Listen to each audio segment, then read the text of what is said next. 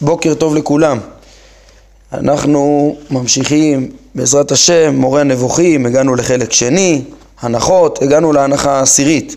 אני מזכיר אה, את אה, תשע ההנחות שלמדנו עד כה. אה, הנחות הפילוסופיות, כן, של הכרת הטבע, של הפילוסופים, שבאמצעותם אפשר להכיר, להגיע למסקנה של מציאות השם האחד שאינו גוף. אני מקריא מהטבלה פה שאמרו בתחילת, שיש פה במהדורה שלנו בתחילת הפרק. כן, יש לנו קודם כל אה, שלוש הנחות ששוללות סוגי אינסוף שאינם קיימים במציאות, אין כמות אינסופית בפועל, אה, הנחה ראשונה, הנחה שנייה, אין אינסוף פריטים בעלי כמות שקיימים בו זמנית בבת אחת.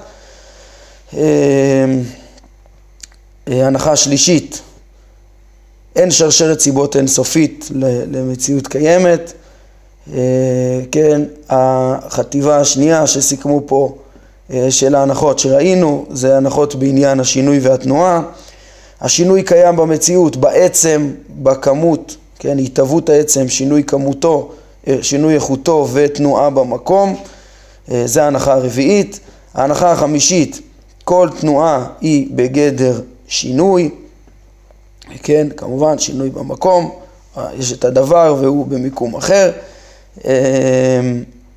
הנחה שישית, זה סוגי התנועות, יש ארבע סוגי תנועות, בעצם תנועה מצד עצם הדבר, שהנפש של הדבר, שהטבע שלו מזיז אותו, תנועה במקרה, אה, של המקרים שנשואים על הדבר, כן, או הצורה שבדבר, הנפש שבדבר זזה במקרה יחד עם הגוף, אה,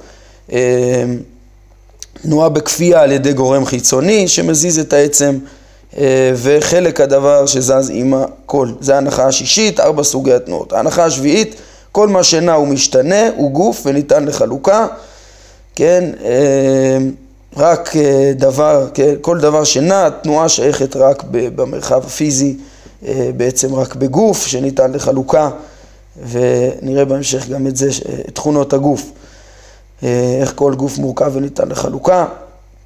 זה ההנחה השביעית. כל מה שנע ומשתנה הוא גוף וניתן לחלוקה. אה, ההנחה השמינית, כל מה שנע במקרה אה, ולא באופן עצמי, סופו לנוח, אז הסברנו שפה הכוונה אה, לא במשמעות של עצם ומקרה שבהנחה השישית, אלא מה שבאופן מחויב נע, כאילו כל דבר שלא מחויב שינוע, סופו לנוח. כן, כל התנועות שאנחנו מכירים, בעצם היא, מכל, בסוגי התנועות, אה, אם זה לא משנה אם זה טבעי לעצם, שיש לו נפש, יש לו טבע לזוז, או שמישהו מזיז אותו, כיוון שזה לא הכרחי שיזוז, אז הוא גם ינוח, הוא ינוח בסוף. אה, זה, אה, הנחה תשיעית שראינו זה שכל גוף מניע הוא גם נע תוך כדי ההנאה, כן? כל גוף שמניע, איך הוא מניע? על ידי התקרבות, והוא בעצמו גם כן נע. זה אה, תשע הנחות שראינו ואנחנו צריכים להמשיך הלאה עד ה-26 הנחות שיש כאן. אז הגענו לפסקה 10, כן, ההנחה העשירית. כל מה שאומרים, כן, זה קבוצה כבר אה, שלישית של אה, הנחות, הכוחות שבגוף. איך שחילקו את זה כאן, יפה. אז ההנחה העשירית, כל מה שאומרים שהוא בגוף, הוא אחד משני, משניים. או שקיומו בגוף כמקרים, או שקיום הגוף בו כמו הצורה הטבעית, ושניהם כוח בגוף. כן, מה זה כוח בגוף? מה זה אה, דבר שקיומו בגוף? שתי אפשרויות שונות לגמרי, או מקרה הגוף, כן, כמו הצבע שלו והכמות שלו ו- ו- ו- וכדומה והאיכות שלו, אז יש לו מקרים שחלים בגוף, כן, או שמדובר על עצם הצורה הטבעית שלו, החיים שבו, הנפש שבו, השכל שבו. כן? והרמב"ם נותן פה הגדרה גם, כן? שהמקרים הם נשואים על הגוף, הם מקרים בגוף, ולעומת זאת, כן? קיום המקרים הם על הגוף, ו... ואם מדברים על הנפש והשכל, על הצורה הטבעית שחלה, בה, שמגולמת בה, באותו גוף, אז היא קיום אותו גוף, כן? Uh, המקרים, uh, קיומם בגוף, והגוף קיומו בצורה הטבעית, כן? זה אה, בהמשך להבנת מהות הצורה הטבעית במהות הטבע לפי הפילוסופים שכבר דיברנו על זה, דיברנו, אם אתם זוכרים, פרק ס"ט, איך שהשם הוא צורת המציאות, היינו שהוא כמו שהצורה מקיימת את הדבר, הצורה הטבעית מקיימת כל דבר, השם הוא צורתו מקיים, כן, של העולם כולו, מקיים את העולם כולו. זה ההנחה העשירית. ההנחה האחת עשרה זה שחלק מן הדברים שקיומם בגוף יכולים להתחלק כשהגוף מתחלק, אה, להתחלק כשהגוף מתחלק, וכך הם מתחלקים במקרה, כגון הצבעים ושאר הכוחות המתפשטים בכל הגוף. וחלק ממקיימי הגוף אינם מתחלקים בשום אופן, כגון הנפש והשכל. היינו, אותו חלוקה שראינו אה, בהנחה הקודמת, שיש מקרים בגוף, ולעומת אה, הצורה הטבעית שחלה בגוף, אז uh, ההנחה הזאת מלמדת על ההבדל ביניהם בהתחלקות. כי המקרים שבגוף, כמו הצבע שלו, הם, הם מתחלקים במקרה. כשה... uh, כן, מתחלק לשניים, אז כן, הגוף, יש, יש לשני החלקים יהיה את מקרה הצבע וכדומה, והאיכות וכדומה, את המקרים. אז הם לא מחלקים מקרים, אבל מחלקים את הגוף שיש עליו מקרים. אז יש דברים, כן, דברים שהם בגוף, המקרים הם מתחלקים במקרה, הם, הם מתחלקים עם, עם הגוף, בהתחלק הגוף במקרה, ויש דברים כמו הנפש והשכל שלא ניתנים לחלוקה, כן, הם, הם, הם מקיימים את הגוף ו, וקיומם בגוף, ואם אין גוף הם גם כן, הצורה הטבעית גם כן אה, כבר לא, לא יכולה, כן, מתנתקת מה, מה, מהגוף. אה, הנפש והשכל, אבל הם, הם, כן, הם לא מתחלקים, אין דבר כזה, או שהם קשורים בגוף וקיימים, או שלא, או של, שלא קשורים בגוף, אבל, אבל הם, אי אפשר לחלק אותם. אז זה ההנחה ה-11. ההנחה ה-12 זה שכל כוח הנמצא מתפשט בגוף הוא סופי, משום שהגוף סופי, כן, אז זה דבר שנתפס באינטואיציה, שלא ייתכן שגוף מוגבל יכיל כוח אין סופי, כן, זה שלוש הנחות בעניין הכוחות שבגוף. ועכשיו אנחנו ממשיכים להנחה השלוש עשרה ולקבוצת הנחות שמדברות על התנועה ועל הזמן. כן, דיברנו קצת על השינוי בהנחות, אה, כן, לפני כן, עד ה... ה כן, בהנחות הרביעית עד התשיעית, עכשיו אנחנו מדברים גם על הזמן, על היחס בין הזמן לתנועה, אה, בין התנועה לזמן.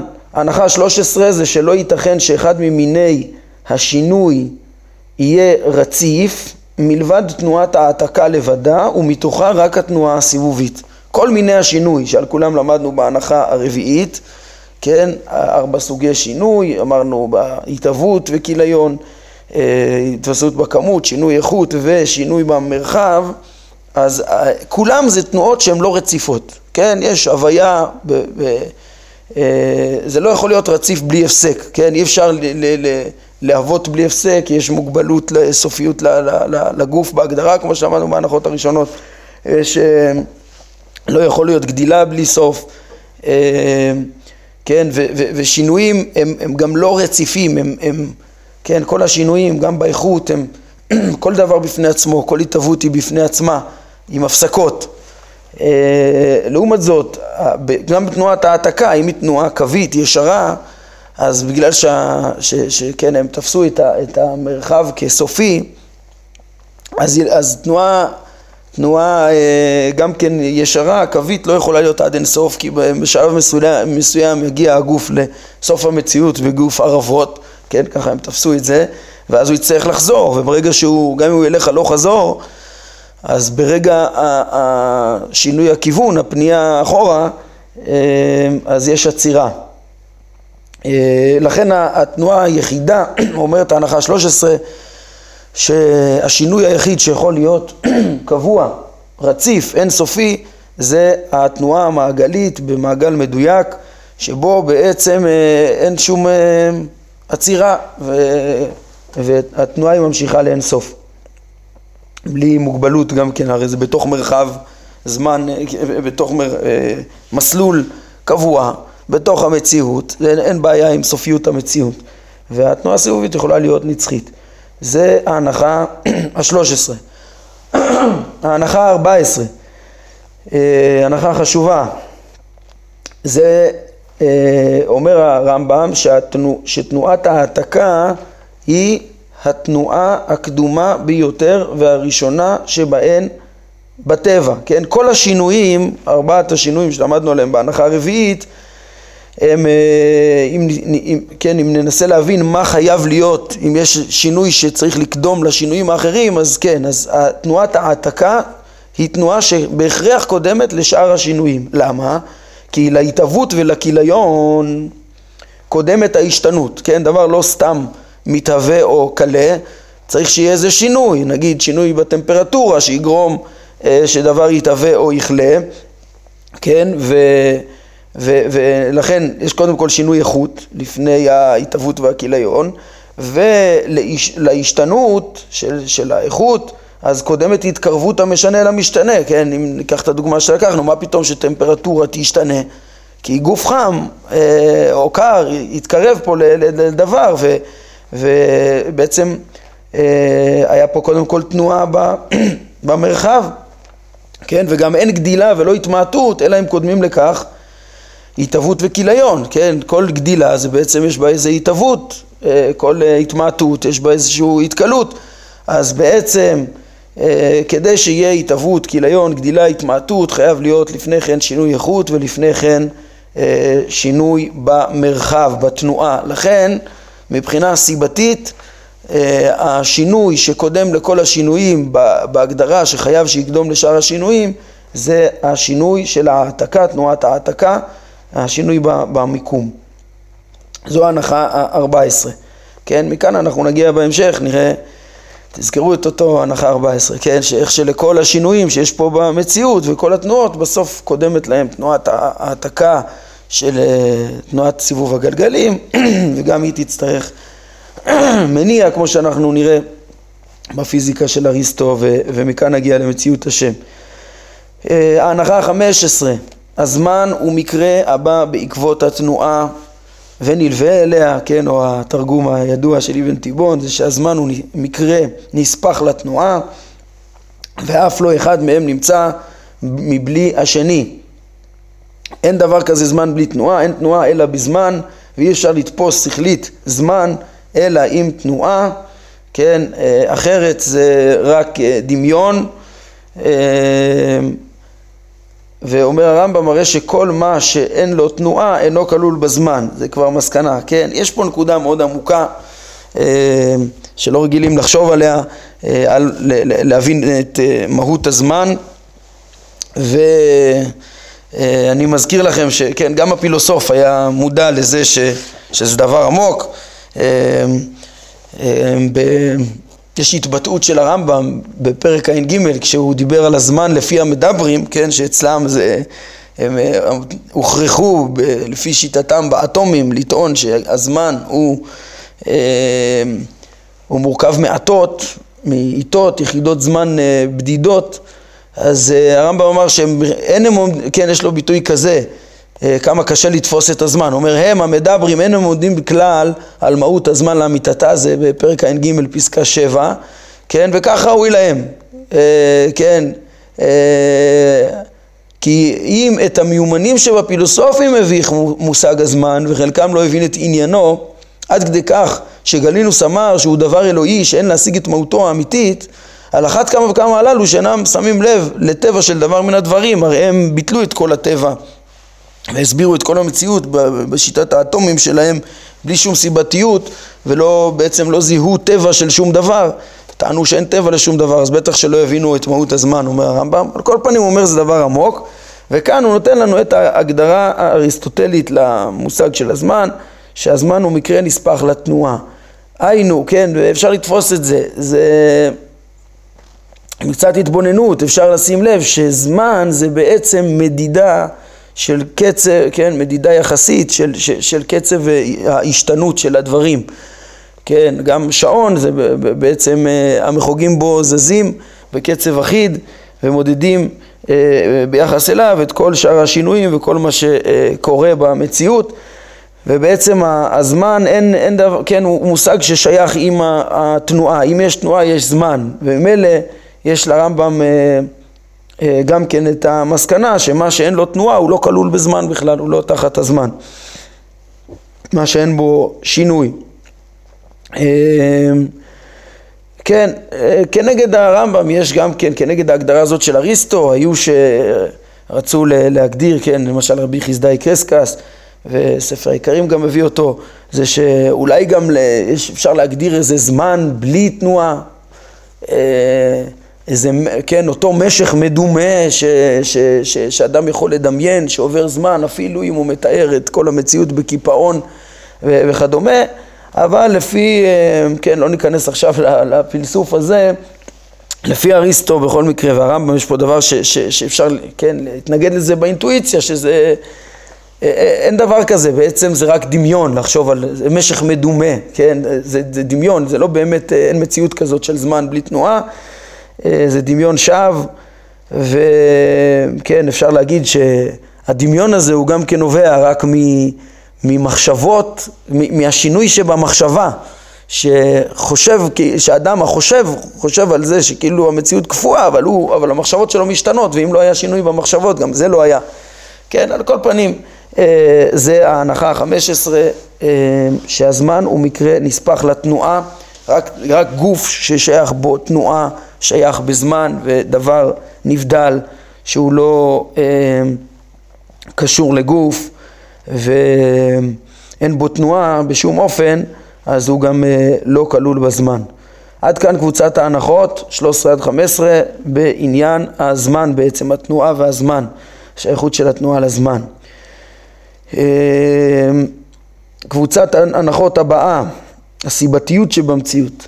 ההנחה ה-16, ההנחה ה-16 היא שכל, כן, שכל מה שאינו גוף, אי אפשר לתפוס בו אה, שכלית ריבוי, אין בו ריבוי, אלא אם כן הוא כוח בגוף, שאז פרטי הכוחות האלה מתרבים בשל ריבוי חומריהם או נושאיהם. אם מדברים על דבר מופשט שאינו גוף, אז במה ייבחנו אותם דברים מופשטים?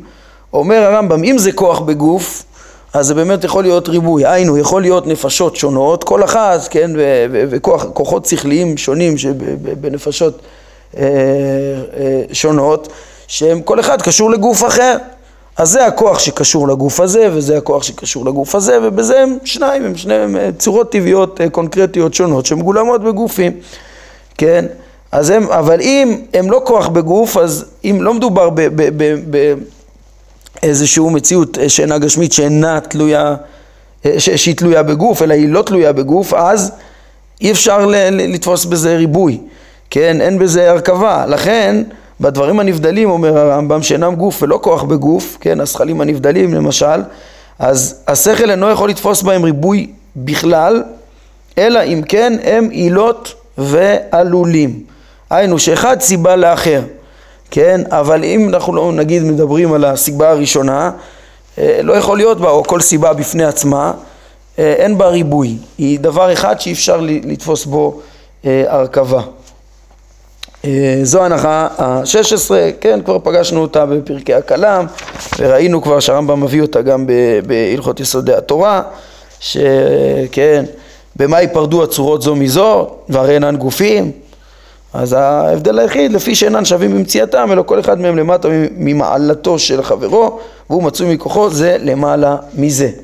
כן, ואנחנו ממשיכים בהנחות האלו של הסיבתיות שבמציאות. ההנחה ה-17, אומר הרמב"ם, ההנחה ה-17, לכל נע יש בהכרח מניע. יש בהכרח מניע או, כן, איזה מניע? יש סוגי מניעים, או מחוצה לו, כן, אם ישנה יש לו מניע, או מחוצה לו, כמו האבן שהיד מניעה אותה, כן, וזה נקרא תנועה בכפייה, לפי ההגדרות של התנועות שראינו אה, ב... איפה זה היה? בהנחה השישית, אה, כן, בהנחה השישית. אז אה, או, או מניע חוצה לו, או שהמניע שלו בתוכו כגוף בעל החיים, ש, שאז הוא מורכב ממניע, הוא מן הנפש שמניעה את הגוף הנע. ולכן כשהוא מת ונעדר ממנו המניע, שהוא הנפש, בו ברגע נותר הנע, שהוא הגוף, אה, כפי שהיה, אלא שאינו נע באותה, באותה תנועה. זאת אומרת, הגוף גוף, אבל, אבל כבר אין לו את הנעדר ממנו הנפש, אז הוא כבר לא יכול לנוע. את אותו תנועה רצונית שיש לו כשהנפש מצויה, כן? אך כיוון שהמניע המצוי בנה נסתר ואינו גלוי לחושים, חשבו שבעל החיים נע בלי מניע. כן, אה, מביאים פה בפירוש שהכוונה לאפלטון ותלמידיו, הרמב"ם מציין, כן, ש... שאין דבר כזה נע בלי מניע. וזה פשוט כי לא רואים את הנפש, אז היה כאלה שטעו לחשוב ש, ש, שיש, שבעל חיים נע בלי מניע, אבל בעצם הוא נע בגלל כוח שיש בו, רק שלא רואים אותו. אבל ברור שיש בו כוח, וברגע שהכוח הזה נעלם, הבעל חיים מת, אז הוא כבר, אז הוא כבר לא, אה, כן, הנפש מסתלקת, שיהיה כוח שמניע, אז, אז הוא כבר לא יכול לנוע. אה, כן, אז זה על פי המדע של אריסטו. שנתפס באינטואיציה הפשוטה. וכל נע שהמניע שלו נמצא בתוכו, הוא הנקרא נע מעצמו. והכוונה, והכוונה היא, כן, מה שאמרו שנע מעצמו זה לא נע מעצמו, זה שיש לו מניע בתוכו, כן, שגם יכול להסתלק. הכוונה היא שהכוח המניע את מה שנע ממנו באופן עצמי מצוי במכלול שלו ולא מחוצה לו, כן, אין פה דבר אה, חיצוני שמניע אותו. זו ההנחה ה-17, כן, שבעצם אה, דיברנו פה שלכל נע יש בהכרח מניע וזה יהיה, הוא או חיצוני לו או אה, כוח בו. זה שני, שני סוגי המניעים. נעיר פה הערה אה, משמעותית, זה שכן, בעצם בהנחה הזאת מונח במדע של אריסטו, שכל אה, כל נע צריך מניע, כל תנועה צריכה מניע שמלווה את אותו תנועה מראשיתה עד סופה. כשיד מניעה את האבן, אז נכון שכן, היד הניעה, אבל לפי המדע של אריסטו, הכוח. היד נתנה כוח. אה, באבן ש... שמלווה אותה עד שהיא יוצרת. עד שהיא יוצרת זה, תנו... זה כוח היד הניע, מניע אה, כל הזמן ברצף את, ה... את האבן כדי שתנוע.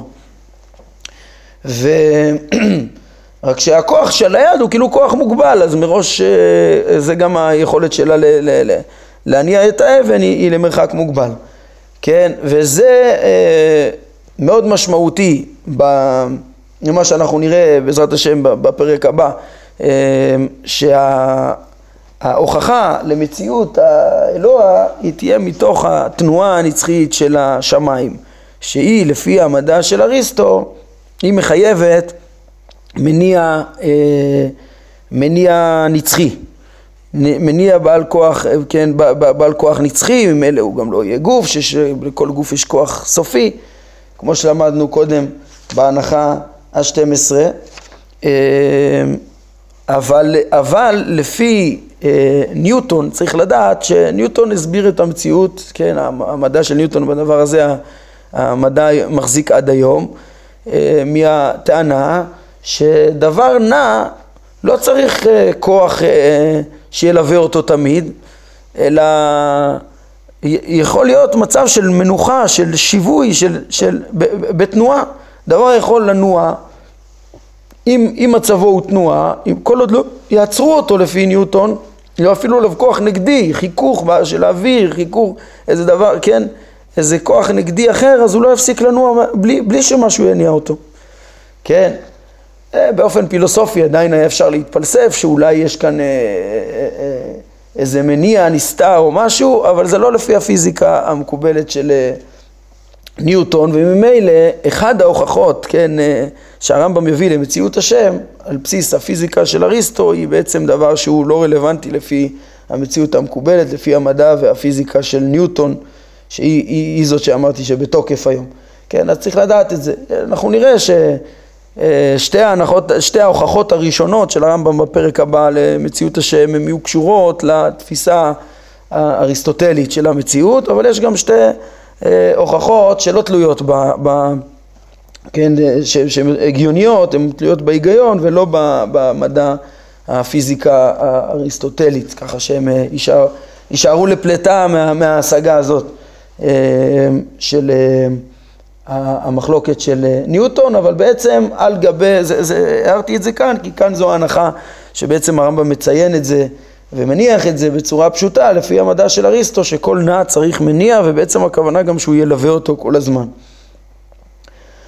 ההנחה השמונה עשרה, כל מה שיוצא מן הכוח אל הפועל, המוציא שלו אינו הוא, והוא בהכרח חיצוני לו, כאילו היה, כן, חייב להיות שדבר שיצא מן הכוח אל הפועל הוא לא הוציא את עצמו מן הכוח אל הפועל, אלא אה, מי שהוציא אותו מן הכוח אל הפועל הוא חיצוני לו. והרמב"ם מסביר למה, כאילו היה המוציא בתוכו ולא היה קיים מונע, אם זה היה מצד עצמו ולא היה שום מונע שהוא יצא מן הכוח אל הפועל, אז לא היה זמן שבו היה מצוי בכוח, אלא הוא היה בפועל תמיד. כן, אם דבר מצד עצמו יש בו דבר ש... ש... ש... שאמור להוציא אותו מן הכוח אל הפועל ואין שום מונע. אם אין שום מונע והוא מעצמו אמור להיות בפועל, אז הוא תמיד יהיה בפועל, והרי אנחנו מדברים על דבר שהוא בכוח, כן? אז אם הוא בכוח, זאת אומרת ש... שלא יכול להיות שזה יהיה מצד עצמו, אה, ההוצאה שלו מן הכוח אל הפועל, כן? ואם, ת... אלא בלי מונע, אם לא, אלא מה תגיד, אולי זה מעצמו, אם המוציא שלו היה בתוכו והיה לו מונע ואז הוא שר, אולי תגיד שהיה לו, ההוצאה היא מעצמו, רק שהיה לו מונע ופשוט הוא שר המונע. אז אומר הרמב"ם, הרי אין ספק שמסיר המונע הוא שהוציא את הכוח הזה לפועל, אבל אין זאת. כן, זאת אומרת, אה, הרמב"ם מכריח בעצם שחייב להיות שמשהו חיצוני יגרום את ההוצאה מן הכוח אל הפועל, כי גם אם תגיד שיש משהו, תכונה פנימית שהדבר רוצה לצאת מעצמו אה, אה, מן הכוח אל הפועל, שיש איזה מונע, אבל סוף סוף לאותו דבר היה מונע, ודבר אחר שהסיר את המונע הוא בעצם, אה, כיוון שהיה מונע הוא לא יכל לצאת מן הכוח אל הפועל בעצמו, אלא על ידי שהסירו את המונע. אז מוציא המונע הוא זה שהוציא אותו מן הכוח אל הפועל. נמצא שחייב להיות שכל יציאה מן הכוח אל הפועל היא על ידי גורם חיצוני. זו ההנחה השמונה עשרה. ההנחה התשע עשרה, כל מה שיש סיבה למציאותו הוא אפשרי המציאות מבחינת עצמו. אה, כן, בעצם, כי, כי אם סיבותיו, אם סיבותיו נוכחות הוא נמצא, ואם אין הן נוכחות, או שנעדרו, או שהשתנה יחסן המחייב את מציאותו, אין הוא נמצא. כן, דבר שתלוי בסיבה אחרת, הוא לא, הוא לא קיים, הוא אפשרי מצד עצמו, מצד עצמו אפשרי, הוא יכול להיות שלא יהיה קיים, כי הרי הוא תלוי בסיבה אחרת, ואם היא לא תהיה, הוא לא יהיה קיים. עד כאן, ההנחה ה-19, כל שיש סיבה למציאותו הוא אפשרי מבחינת עצמו. ההנחה ה-20, אה, והיא סוגרת החטיבה של העניין הזה של סיבות הסיבתיות שבמציאות. ההנחה ה-20 היא שכל מחויב המציאות מבחינת עצמו, אין למציאותו שום סיבה, בשום, אה, אין למציאותו סיבה בשום פנים ואופן, כן, כי הוא מחויב המציאות מצד עצמו, הוא לא תלוי בשום סיבה אחרת, אז אין למציאותו סיבה. תשימו לב ש... ש אה, כל ההנחות האלה, או שאפשר לתפוס אותן ככה באינטואיציה, להבין שהן נכונות בצורה פשוטה גם בלי להתפלסף, ואם לא מיד קולטים אותו, אז הרמב"ם מוסיף איזו טענה קטנה, ככה שמסבירה את ההיגיון, איך שאפשר לקבל את זה שזו המציאות. כן, אמנם הרמב"ם אמר שהוא לא, כן, הוא לא נכנס ל- ל- להוכיח כל דבר ולכל מה שאפשר לפלסף ולדון בכל דבר, אבל הוא מציג את הדברים בצורה שכאילו אדם מבין שזה המציאות באינטואיציה פשוטה או בכמה טענות קלות שעוזרות לו להבין את, את ההנחות. ואנחנו הגענו לעוד קבוצת הנחות חשובה של אה, הבנת אה, מהות הגוף, כן, חלקי הגוף, החומר והצורה. להבין את מהות הגוף לפי הפילוסופיה של אריסטו. אה, כן, זה אמנם בעניין הזה זה מאוד מאוד משמעותי עוד פעם בהבנת אה, כל התפיסת המציאות ותפיסת הסוד לפי הרמב"ם זה, זה מאוד מאוד אה, בנוי על ההבנה הטבעית של חומר וצורה אז צריך לדעת שמצד אחד אה, היום יודעים להסביר, אני אומר באגב היחס לדברים היום, מצד אחד היום יודעים להסביר את הפיזיקה בלי חומר וצורה, בלי ההבנה הפילוסופית הזאת של ההתגלמות, של המהויות, כי אפשר להבחין בחומר עצמו, בהבדלים שייחדו וייתנו את כל התכונות שפעם הם לא ידעו להסביר, אלא על ידי הבנה של אה, צורה מהותית חלה בחומר. כן, אז מצד אחד עיקר ההכרחים למושגים האלה של חומר וצורה הם אה, לא קיימים היום. מצד שני, כן, אפשר, ל, ל, אני חושב, דיברנו על זה, אה, אולי סביב פרק י"ז, שבאופן פילוסופי אפשר עדיין ל- ל- ל- להעמיד מעין מושגים כאלה, לנסות להבין את המהויות אפילו של אה, האטומים וחלקי האטום כחומר וצורה אה, שנותן לכל אחד מהות אה, מתגלמת, שאין לנו הסברים, כן, באותם חלקיקים הכי קטנים שיש להם תכונות, שאין לנו הסברים אחרים, אז בעצם אפשר להסביר את זה כחומר וצורה ומעין זה. כן, התבנית המחשבתית יכולה להיות קיימת ולהתיישם מחדש לפי המדע של היום, רק שהיום זה יהיה יותר משהו ששייך לפילוסופיה ו- ומשהו שהמדע לא, לא יתעסק בו. כן, אז אה, מהם ההנחות האלו, החשובות האלו? אה, ככה, כן, ואני רק מזכיר גם שוב, אה, לפני שאנחנו נשים לאותם חמש הנחות חשובות על החומר והצורה, אני רק מזכיר לכם שבחלק ראשון, בפרקים ט"ו, ט"ז, י"ז, למדנו על ההתייצבות על הצור, על הבנת ראשית המציאות, הקדוש ברוך הוא כראשית המציאות כולה, אה, להכיר אותו כראשית המציאות, ובשביל זה הרמב"ם לימד אותנו פרק י"ז על החומר וה, וה, והצורה ותכונותיהם, הראשיות הראשונות, כן, הזכרנו גם, אני חושב, פרק אה, כ"ח, את, אה, את העניין של ויראו את אלוהי ישראל ותחת רגליו כמעשה לבנת הספיר וקסם השמיים לתואר, הרמב"ם דיבר על החומר הראשון, הבנת היולי הדברים האלה, כל הדברים האלה הרמב"ם דיבר על היולי והצורה, על החומר והצורה כדברים עמוקים שההבנה שלהם היא מכלל סתרי תורה, מכלל סתרי מעשה בראשית ודיברנו על זה שהם רשיות המציאות, הם, הם, הם, ש, שעיון בהם וההבנה שלהם, ההבנה מעמיקה שלהם בהתבוננות הזאת של חומר וצורה היא בעצם מלמדת על הראשית של המציאות בהכרח מהבורא, בעצם מלמדת על מציאות הבורא, בעצם, בעצם מביאה להתייצב על הצור.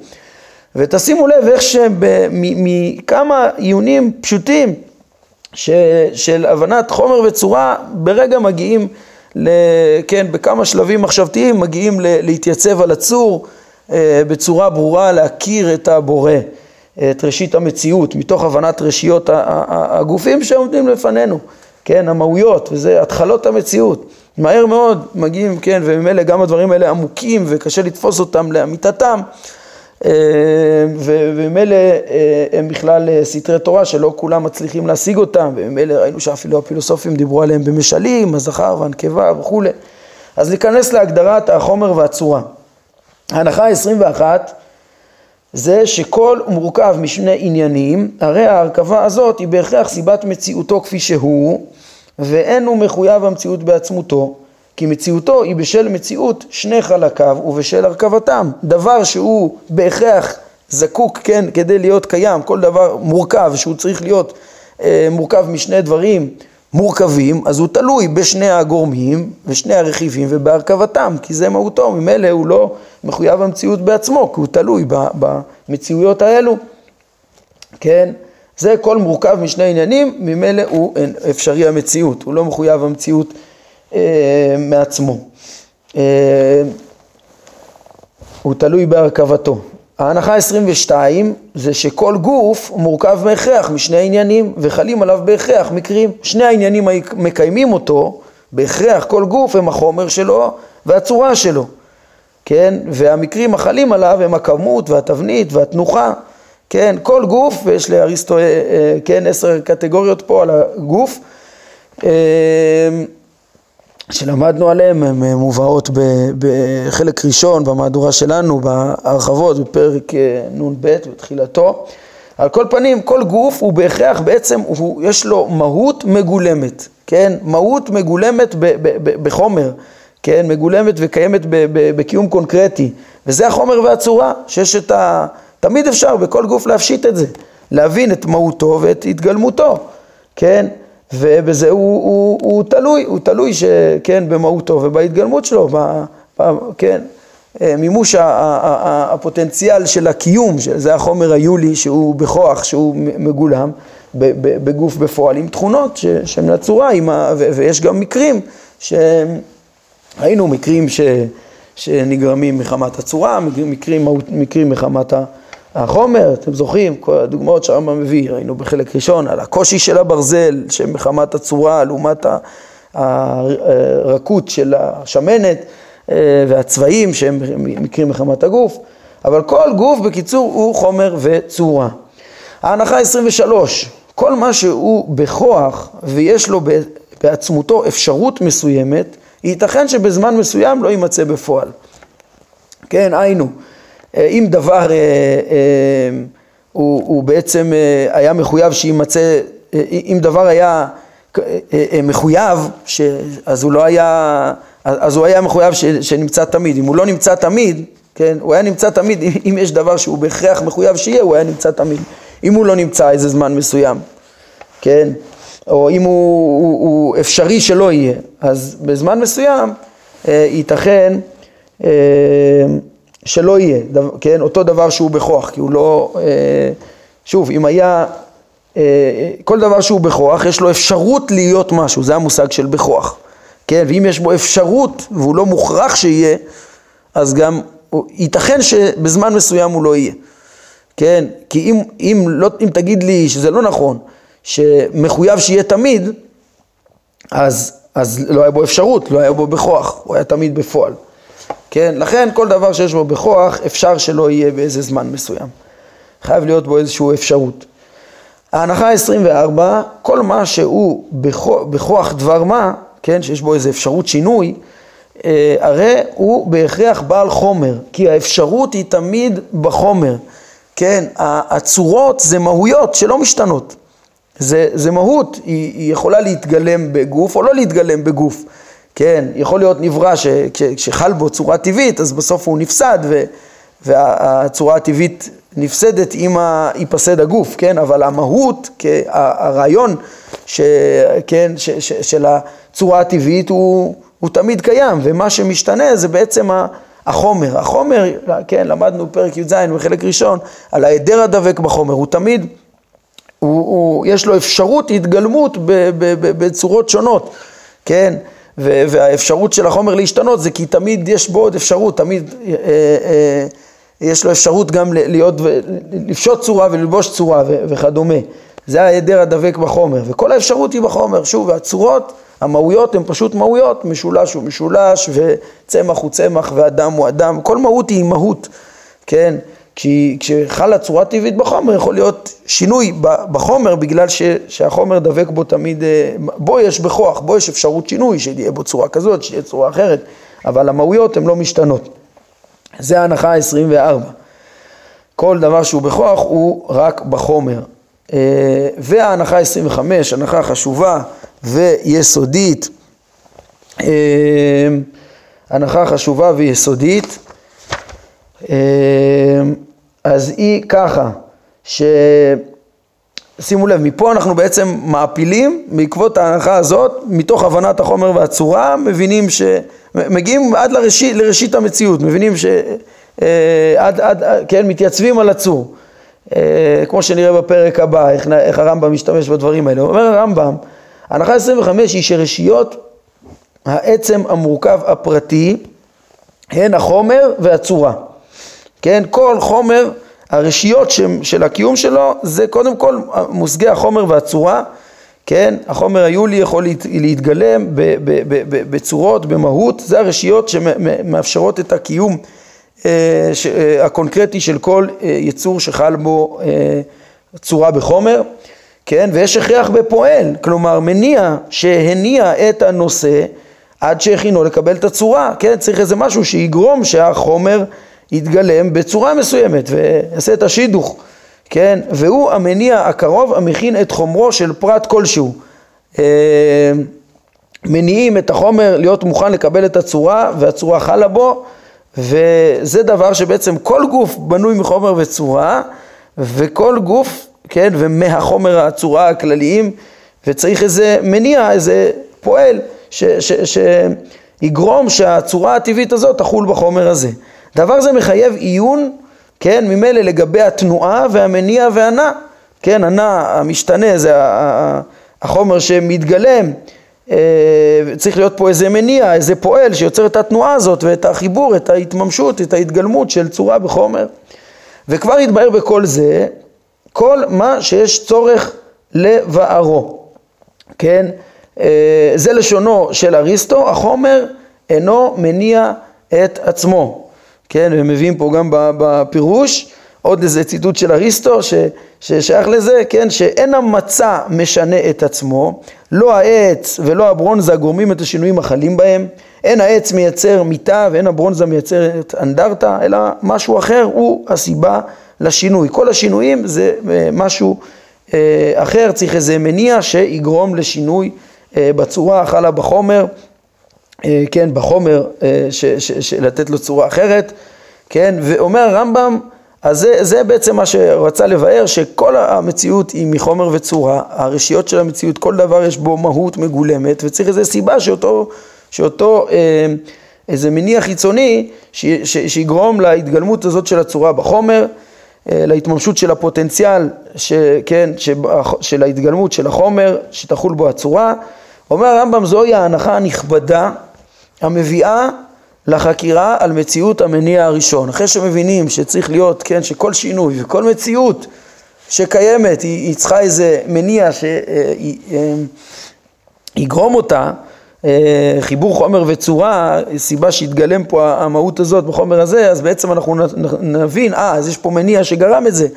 אז מי המניע? זה, מי המניע הקרוב? מי הניע את המניע? מי התחיל את התנועה? ונגיע לתנועת לתנועת העתקה שהיא גורמת לכל השינויים, הראשונה בהכרח לכולם, העתקה של הגלגל, ונחפש את המניע של הגלגל ונתייצב על הצור כמו שנראה בפרק הבא. אמ, כן, אני רואה שאנחנו ככה מבחינת הזמן אה, כבר אה, עברנו אותו, אה, נשאר לנו רק את ההנחה האחרונה ה-26, אז זה ייקח עוד, כן, צריך קצת להאריך בזה. אז בעזרת השם, את סיכום ההנחות ולימוד ההנחה ה-26, כן, 25 הנחות, זה הנחות של הטבע, הכרת הטבע שהרמב"ם מקבל אותם, וכדי שיהיה הוכחה שלמה, אז הוא גם כן, אה, כמו שאמר לנו מראש, הוא אה, אה, יקבל לצורך הדיון את גם את ההנחה של... קדמות העולם כדי להוכיח את מציאות השם גם על הצד שהעולם קדמון ואת כל זה בעזרת השם אז נתקדם בפעם הבאה.